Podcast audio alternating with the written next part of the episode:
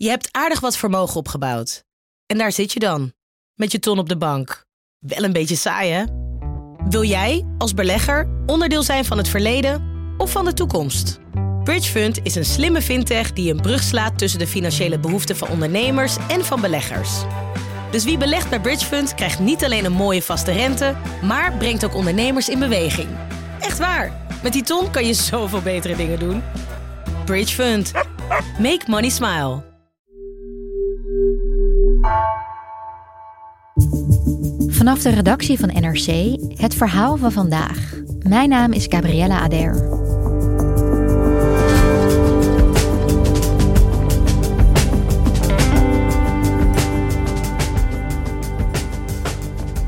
Rond de kerstperiode is het drukker dan ooit in het Nederlandse sorteercentrum van Amazon. Ruim 100 zogenoemde Amazonians zorgen ervoor dat jouw kerstcadeautje op tijd bij je bezorgd wordt.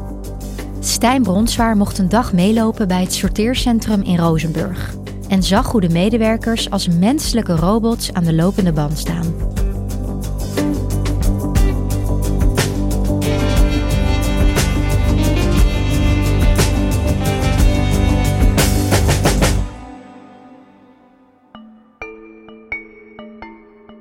Afgelopen maandag was ik in Rozenburg.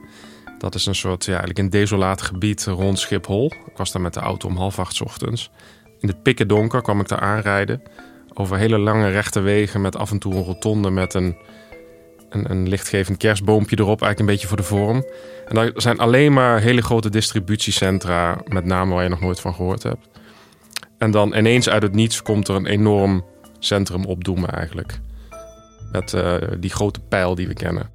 Dat is dan Amazon. Ik kwam daar op de parkeerplaats aanrijden. En dan zie je eigenlijk eerst als je de auto uitstapt een paar mensen roken in een rookhokje. En dan gaan er van die uh, schuifdeuren gaan open. En daar uh, kom je op in een receptie van uh, DNL1. Dat is de naam van het sorteercentrum van Amazon in Rozenburg. En uh, ik kreeg daar een paar veiligheidsschoenen uitgereikt van de portier. En een veiligheidsvestje. En toen kwam uh, manager Max van der Meulen mij tegemoet lopen. En het eerste wat opvalt is het, ze hebben het een beetje geprobeerd een Nederlands tintje te geven. Dus er zijn allemaal aanwijsbordjes met de Delsblauwe kleurtjes. It's nice to really kind of put that little layer on. You can also see it in all the small signs we have throughout the station. We also have drinks and snacks, uh, stroopwafels obviously. Dus er staan links staan er twee fietsen geparkeerd. Met daarop een, uh, een soort balie met, met stroopwafels erop. Uh, neptulpen in de hoek. En toen kwam uh, woordvoerder Stefan. Dat was de Duitse woordvoerder die, van Amazon. Die uit München was komen overvliegen om mij daar te ontvangen. Speciaal voor jou? Speciaal voor mij, ja. Dus het was ook allemaal door Amazon georganiseerd die dag. En ehm, ja, die kwamen mij tegemoet om mij daar rond te leiden. Vanaf dat moment begon het eigenlijk. Please very first thing we do is we talk about safety, right? Uh, because in the end, how I always explain it to these people is, is that we want the people to come here and make money and then go home and spend the money. Nou, Max van der Meulen doet die deuren open en ik zie in één keer een magazijn van uh, meer dan 8000 vierkante meter. Kerstmuziek staat op. Ik hoor uh, ratelende ijzeren banden. Iedereen is heel druk in de weer. Je ziet echt gelijk van oké, dit is echt een uh, hele gecontroleerde omgeving waar iedereen uh, keihard aan het werk is. Ja, want jij mocht een dag meekijken, maar wel alleen onder begeleiding, hè, begreep ik. Ja, ik heb dus zelf een tijd terug, al denk al een jaar geleden, heb ik aangegeven van ik wil heel graag een keer. Er is één zo'n centrum in Nederland van Amazon. En ik wil dat gewoon heel graag een keer zien. En ook liefst eigenlijk zelf ervaren hoe het is om daar te werken.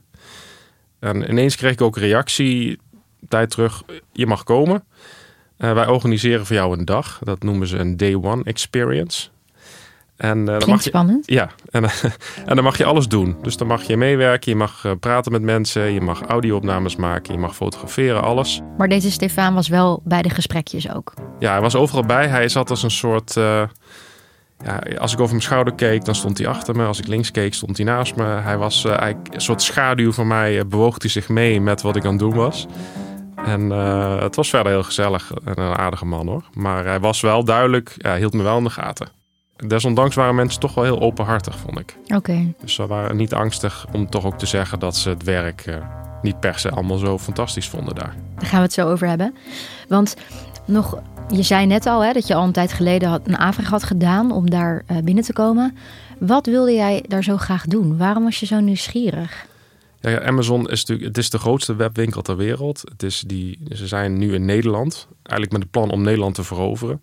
Amazon is zo goed in het bezorgen van pakketjes uh, dat je in Amerika echt ziet dat de winkelcentra gewoon ja, verdwijnen of leeglopen als gevolg van Amazon. En er is ook heel veel te doen over de arbeidsomstandigheden in dat soort centra. Die zouden, zeggen heel veel vakbonden in Amerika, niet goed zijn. Het is onveilig, er gebeuren veel ongelukken. Ik wilde dat graag eens met eigen ogen zien, van hoe gaat dat dan in Nederland? En nu het zo druk is met kerst en Sint en uh, ook Nederland Amazon begint te ontdekken, vind ik het ook belangrijk om te laten zien, oké, als je klant bent van zo'n bedrijf en je bestelt die pakketjes, dit is het verhaal daarachter. Dit zijn de mensen die dat werk moeten doen. Dit is hoe zo'n bedrijf met die mensen omgaat. En wat zag je? Ja, waar ik was is een sorteercentrum. En dat is eigenlijk een plek waar de pakketten die zijn ingepakt in andere centra worden gesorteerd op postcode en naar bussen gaan en worden bezorgd. Wat je eigenlijk ziet, het is een, een, ja, een hyper gecontroleerde omgeving. Echt elke minuut is gemonitord. Dus mensen beginnen daar om vijf uur s ochtends. Om half twaalf gaan er 260 busjes uh, rijden de poort uit met pakketten. Dus ze hebben van vijf uur s ochtends tot half twaalf s ochtends. Om tienduizenden pakketten te sorteren en ervoor te zorgen dat die in de juiste zakken zitten bij de juiste busjes. Dus dat is heel strak geregeld. Met tijdsklokken, met eh, alarmen die afgaan. Mensen worden per minuut echt ja, gemonitord in wat ze doen. Ze kunnen niet even een minuut niks doen of even naar het toilet. Nee, je kan wel naar de wc, maar dan moet je plek weer worden wel door iemand anders worden overgenomen. De pauze is heel strikt geregeld. Je kan daar niet een beetje, ja, een beetje gewoon uh, lummelen, een beetje kletsen. Nee, je, kletsen bij de koffieautomaat zit er niet in. Nee, nee, nee. nee, nee. Het, is, het is echt hard werken en het is fysiek wel zwaar werk. En wat zijn dat voor werknemers die je daar hebt gezien? Er zijn eigenlijk twee groepen. Je hebt de leidinggevende en je hebt de mensen die uh, het werk doen, zeg maar. Die het sorteren van de pakketten doen. En die leidinggevende, dat zijn ja, veel Nederlanders. Er waren opvallend veel mensen afkomstig van IKEA, viel me op. die werkten eerst bij IKEA en zijn daarna bij Amazon gaan werken. En de mensen die het sorteerwerk doen, zijn ja, arbeidsmigranten. Dus dat zijn mensen uit Ghana, ben ik tegengekomen, Portugal, Spanje, uh, allerlei landen, India. Ja, en, en hoeveel verdienen zij? 12,50 per uur bruto. Dus dat is iets meer dan minimumloon. En ze werken vooral via Randstad, dus ja, via uitzendconstructies. En wat zij heel erg merken bij Amazon, dat zeiden ze ook, is dat de personeelstekorten zijn nu zo groot dat ze die mensen ook extra dingen moeten geven, omdat ze anders gewoon weer gaan.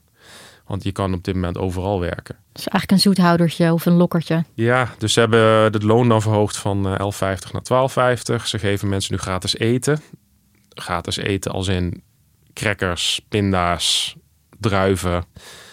Ze krijgen een uh, grote bonus van 1000 euro als ze drie maanden blijven. Oké. Dat is voor veel mensen de reden om daar te komen. En dan na drie maanden weer weg te gaan. Ja, maar de meesten houden het niet vol om daar drie maanden te zitten. Dus dat werd me ook daar verteld. Er werken daar 100 eh, mensen. En nu 130, omdat het nu heel druk is. Elke dag komen er nieuwe mensen. Elke dag worden nieuwe mensen ingewerkt. En de meesten gaan gewoon weer weg na een paar dagen. En iemand zei tegen mij: Ja, heel veel mensen komen hier als zombies, want ze gaan niet vroeg naar bed. En ja, je moet gewoon om vier uur opstaan om daar op tijd te zijn. Ze denken van: uh, Dit is een baan. Maar zei iemand: Nee, dit is geen baan. Het is echt werk. Je moet echt hard werken. En Amazon heeft het gelijk door als bij jou de productieketen stokt. Dan denken ze van, oh wat is hier aan de hand? Het gaat nu een paar seconden langzamer op die band. En dan wordt er meteen gekeken en wordt ook meteen gevraagd... waarom uh, werkt het niet bij jou? Het klinkt net alsof het menselijke machines zijn. Het zijn heel erg uh, menselijke machines, ja. Ja, dus het, dat viel me ook op. Kijk, Amazon is natuurlijk echt een databedrijf. Alles is gebaseerd op data. Dus als jij een strijkplank bestelt bij Amazon kan het zijn dat die in Praag wordt ingepakt. En dan naar Rozenburg wordt gereden met een vrachtwagen. En dan daar in een pakketje wordt gedaan en dan naar je huis gaat. Maar het kan ook zijn dat die in Parijs wordt ingepakt, omdat dat toevallig beter uitkomt. Weet je, dus dat is allemaal met data zo gefine-tuned dat ze precies hebben gekeken van waar in Europa moeten we wat inpakken om het op tijd bij jou te krijgen. Dat gaat natuurlijk allemaal met algoritmes en dat soort dingen. Maar aan het eind van die keten, het, inpakken van die pakketjes, dat moet toch gewoon nog door mensen gebeuren ja, dat kunnen robots niet om uh, tienduizenden pakketten die allemaal verschillende vormen en gewicht hebben. En om die allemaal in zakken te doen. Dat is gewoon, daar zijn mensenhanden voor nodig. Maar die, ja, die worden wel als een soort machines ingezet, zou je kunnen zeggen. Ja. Dus Stijn, als ik het zo hoor, dan klinkt het toch een beetje alsof Amazon gebruik maakt van menselijke machines tegen een lage prijs. Ehm, maar goed, aan de andere kant, die arbeiders zijn niet ontevreden. Dus dan is het win-win situatie, lijkt mij, of niet? Ja, ligt eraan hoe je ernaar kijkt. Kijk, als je met die mensen spreekt, en nogmaals, Amazon was erbij. Hè? Dus uh, in hoeverre heb ik het, het echte verhaal gehoord? Helemaal, dat weet ik ook niet zeker. Maar ik heb wel van heel veel mensen gehoord dat ze zeggen van... ja, het werk is dodelijk saai, zei iemand tegen mij. Echt dodelijk saai. Het is heel eentonig. Het is echt zwaar werk. Maar ik ben eigenlijk hier toch best wel tevreden. Want er is nog veel zwaarder werk. Uh, ik bedoel, ga maar eens in de kassen kijken of, of gewoon in restaurants. Uh, de managers daar, er wordt over gezegd, dat was toch in het algemeen wat ik hoor, dat zijn hele fijne mensen. Weet je, dus daar wordt uh, naar ze geluisterd. Ze hebben ook allerlei, ze organiseren inspraak van werknemers. En je hebt ook sessies waar dan de baas met een kladblok staat en mensen hun gal kunnen spuren over van wat ze allemaal niet goed vinden gaan. En die baas, ik was daar ook bij, die baas die schrijft heel driftig mee. Aan het eind zegt hij: Over twee weken komen we terug en dan ga ik jullie vertellen wat ik aan gedaan heb. Er hing ook een groot bord, daar konden mensen hun klachten opschrijven. En iedereen zat over de muziek te klagen. Wat, wat zeiden ze dan? Daar stond kerstmuziek vooral op. Is ook een marteling. dan lees je dan van we willen Funix. Weet je wel, stond er dan we willen Funix horen. En iemand anders zei van we willen Afrobeats. En weer iemand anders zei more Christmas songs. Weet je, en dan schrijft de manager daarachter. Gaan er naar kijken. Dit weekend meer kerstmuziek. Oh. Mensen waren blij met het gratis eten. Uh, met de, de pinda's? Ja, dat klinkt misschien stom, maar dat, dat vinden mensen dan toch heel fijn. Als een soort waardering toch of zo? Ja, ze hebben ook elke maand delen ze dan prijzen uit aan werknemers. En dan krijgen ze een uh, button op hun uh, jasje gespeld. Als ze bijvoorbeeld de Customer Hero van de maand zijn. En daar was ik ook bij, bij die uitreiking in de kantine. Alright, then the next one is Amazing Amazonian. The example is the words that you used is always smiling and very friendly, great behavior. It's great to see him every day. Amadou. Yes. And the second one for Amazing Amazonian, uh, thank you for training so many uh, essays in on-road management as proxy. Suba.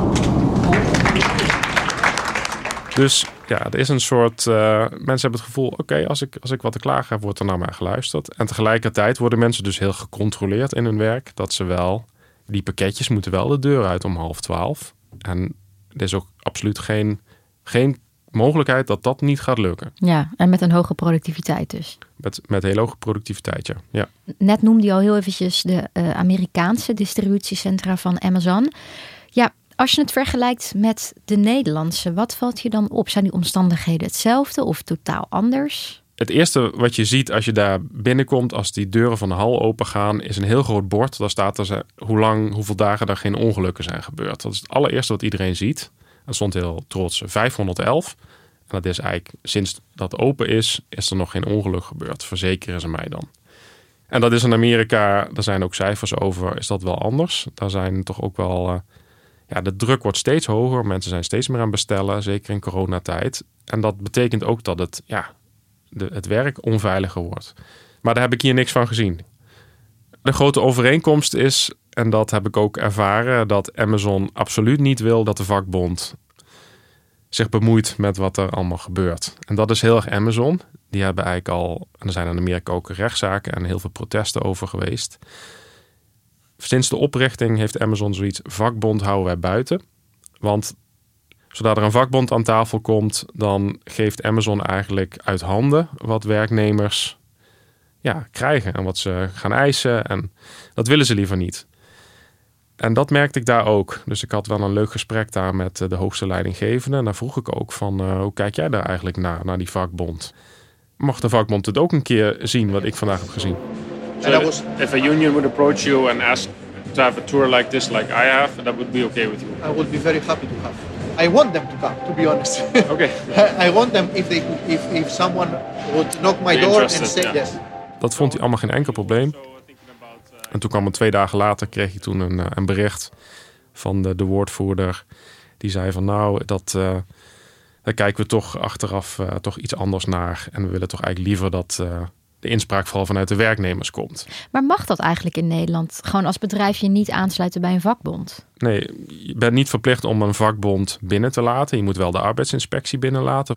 Wat je natuurlijk heel vaak ziet, is plekken waar heel veel arbeidsmigranten werken. Ook plekken waar heel veel expats werken. Mensen weten niet precies wat hun rechten zijn. Die hebben ook de luxe niet, zou ik zeggen, van, om daar heel erg over na te denken. Mensen daar in Roosburg, die zijn gewoon aan het overleven. Weet je, die, die zijn echt aan het overleven.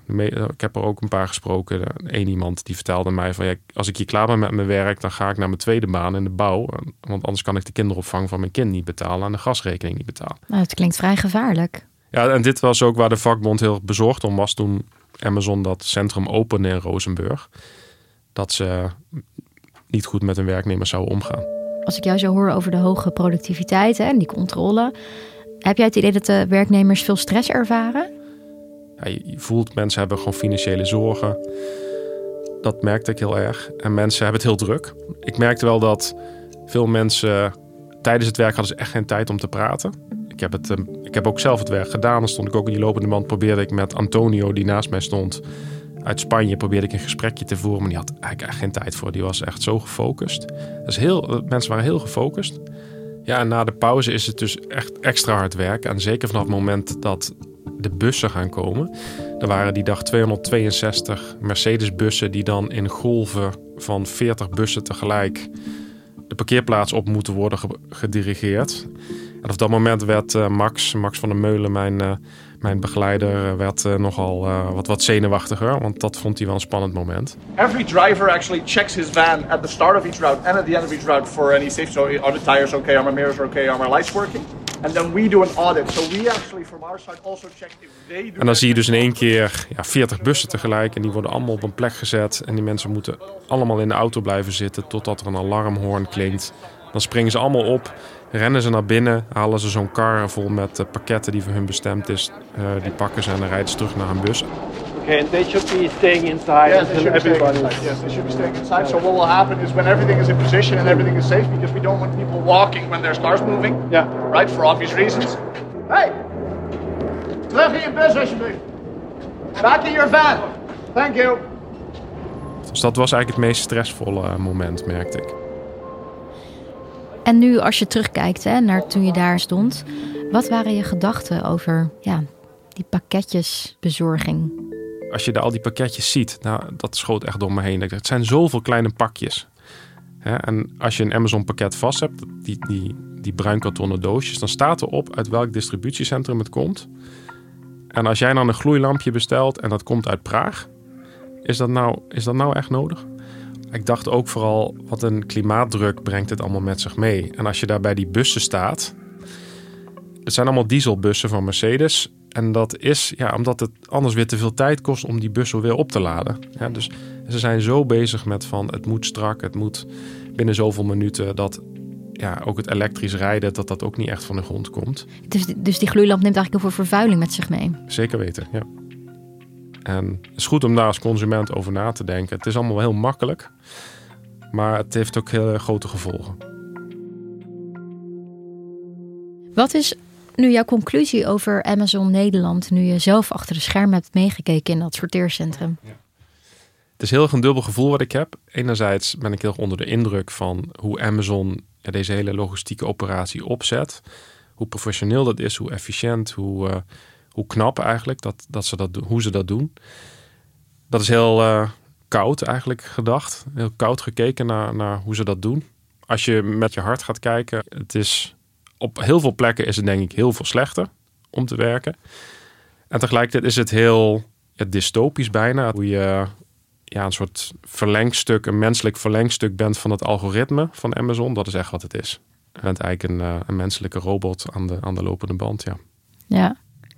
En hoe was het voor Amazon eigenlijk dat jij daar, uh, ja, dat je daar ging mee, meekijken en vervolgens een artikel over schreef? Ja, ik denk dat ze het wel heel spannend vonden. Het was ook de eerste keer in ieder geval in Nederland dat ze dat uh, een journalist lieten doen. Wat zij doen, dat vond ik heel erg interessant, is dat zij een sentimentanalyse doen, zo noemen ze dat. Wat is dat? Nou, wat ze dan kijken is, ze gooien alle artikelen die er over Amazon worden geschreven, die gooien ze, gooien ze in een eh, computerprogramma met wat menselijke hulp. En dan gaan ze kijken, oké, hoe wordt er over Amazon gedacht? Wat is het sentiment? Welke woorden worden er gebruikt? Hoe negatief is het? En op basis daarvan beslissen ze, oké, moeten we journalisten meer toegang geven? Of moeten we ze minder toegang geven? En want het sentiment moet worden gerepareerd. Alle onderdelen van die keten willen ze onder controle hebben. En daar horen ook de journalisten bij. Ze hadden een heel programmaatje van mij, kreeg ik op een A4'tje mee met van dit ga je van minuut tot minuut doen. Ja, per minuut, ja. Ja, ja. En ehm, ze hebben heel geprobeerd ook te controleren, zeg maar, met, ja, met eh, wat ik daar allemaal zie. En eh, niet zozeer met wie ik spreek, maar wel, ja, ze proberen het narratief eigenlijk te vormen van het verhaal dat ik ging maken. Hun taak is de reputatie van Amazon verbeteren of beschermen. En mijn taak is om consumenten of lezers te informeren over wat er nou precies gebeurt. En dat is natuurlijk, je hebt ieder een eigen belang. En dat botst dan als zo'n verhaal er dan is. Ja. En dan uh, ja, zullen ze met bepaalde onderdelen van het verhaal zullen ze denk ik best wel blij zijn. En andere onderdelen zullen ze toch wel heel ongelukkig zijn. En die zenuwen voelde ik ook wel als ik met iemand zat te praten en die zei: Dit is een vreselijk saaie baan. Dan voel je natuurlijk woordvoerder Stefan naast je, voel je natuurlijk een beetje op zijn stoel schuifelen. Ja. ja, ik ben in ieder geval heel blij dat je het verhaal hebt geschreven en dat je mee kon kijken. Want uh, ik ga beter nadenken over wat ik bestel en wanneer. Heel goed. Dankjewel, Stijn.